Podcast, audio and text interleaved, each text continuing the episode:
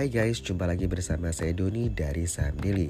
Di podcast episode ke-176 di tanggal 30 Juni 2022 ini Kita akan review mengenai MTEK, SCMA, dan juga Bukalapak PT Elang Mahkota Teknologi TBK dengan kode emitennya EMTK, kita biasa mentionnya MTEK, mengalokasikan capex sebesar 720 miliar di tahun 2022. Alokasi ini lebih tinggi 60% dari realisasi belanja capex tahun lalu yang di sekitar 450 miliar. Sebagian besar porsi capex akan diserap bisnis media hal ini terkait kewajiban migrasi dari siaran televisi analog ke digital anak usaha MTEK yaitu PT Surya Citra Media Tbk dengan kode emitennya SCMA mengalokasikan capex sebesar 300 hingga 350 miliar di tahun 2022. Ini artinya alokasi capex 2022 ini lebih tinggi 75% dari realisasi belanja capex di tahun 2021 yang senilai 200 miliar. Capex ini digunakan untuk pengembangan fasilitas produksi konten dan untuk infrastruktur yang dibutuhkan terkait migrasi ke digital. Pemerintah menargetkan program migrasi penyiaran televisi analog ke digital melalui analog switch off ini selesai paling lambat 2 November 2022. Hal ini sesuai Undang-Undang Nomor 11 Tahun 2020 tentang Cipta Kerja di mana kebijakan ini mengharuskan seluruh televisi untuk mempersiapkan platform digital dan SCMA telah menyiapkan hal tersebut. Dari 49 area bridging, saat ini 44 area sudah beroperasi secara digital sejak fase pertama dan fase kedua. Sedangkan 5 area lainnya masih menunggu alokasi frekuensi pada tahap ketiga. SCMA menyetujui pembagian dividen senilai 2,5 per saham, sedangkan MTEK memutuskan tidak membagikan dividen dari laba bersih tahun buku 2021. Hal ini sejalan dengan sejumlah fokus pengembangan bisnis yang sedang dilakukan MTEK di beberapa bidang. MTEK sendiri membukukan laba yang dapat diatribusikan kepada pemilik entitas induk sebesar 4,07 triliun di Q1 2022, naik 3.893 persen dibandingkan periode yang sama tahun sebelumnya year on year di posisi 102 miliar rupiah. Peningkatan paling besar datang dari segmen pendapatan yang lain yang mencatatkan, mencatatkan kenaikan hingga 1.938 persen yakni 3,97 triliun dari rugi sebelumnya yaitu di 216 miliar di kuartal 1 2021. Nah memang itu berasal dari profit Bukalapak ya sebesar 3,6 triliun di kuartal 1 2022.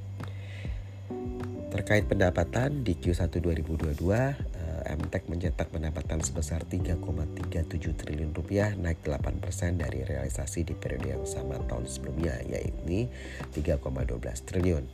Pendapatan dari bisnis media memberikan 46% porsi dari pendapatan, sedangkan segmen solusi bisnis memberikan porsi 39%, segmen kesehatan 13%, dan segmen lain-lain 2%. Nah, yang lain-lain ini berasal dari Bukalapak ya yang tadi saya sebutkan dia kontribusi 3,6 triliun.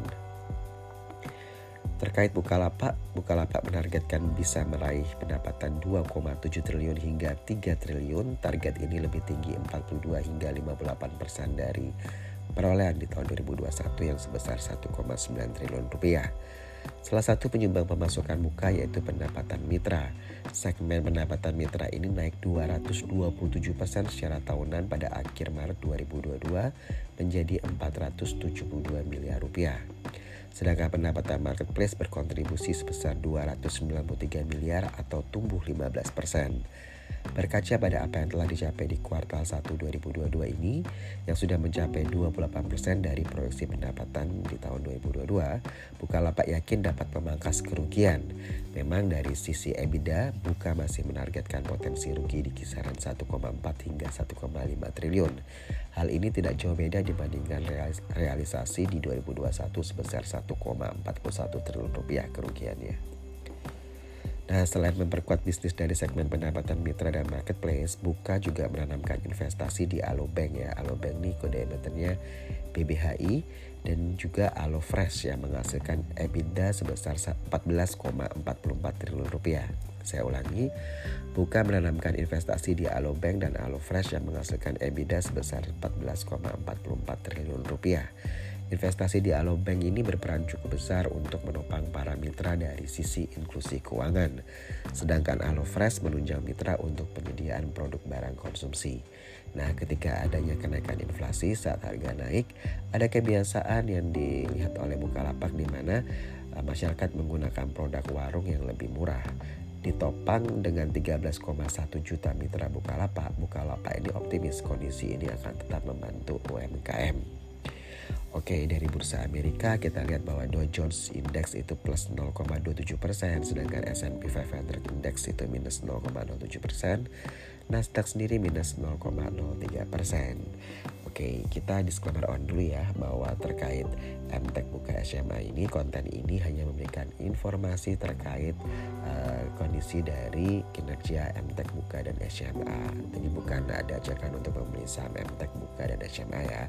Terkait keputusan membeli menjual uh, saham itu dikembalikan kepada masing-masing trader dan investor. Jadi kita disclaimer on dulu ya guys. Oke, saya Doni dari Saham Daily out.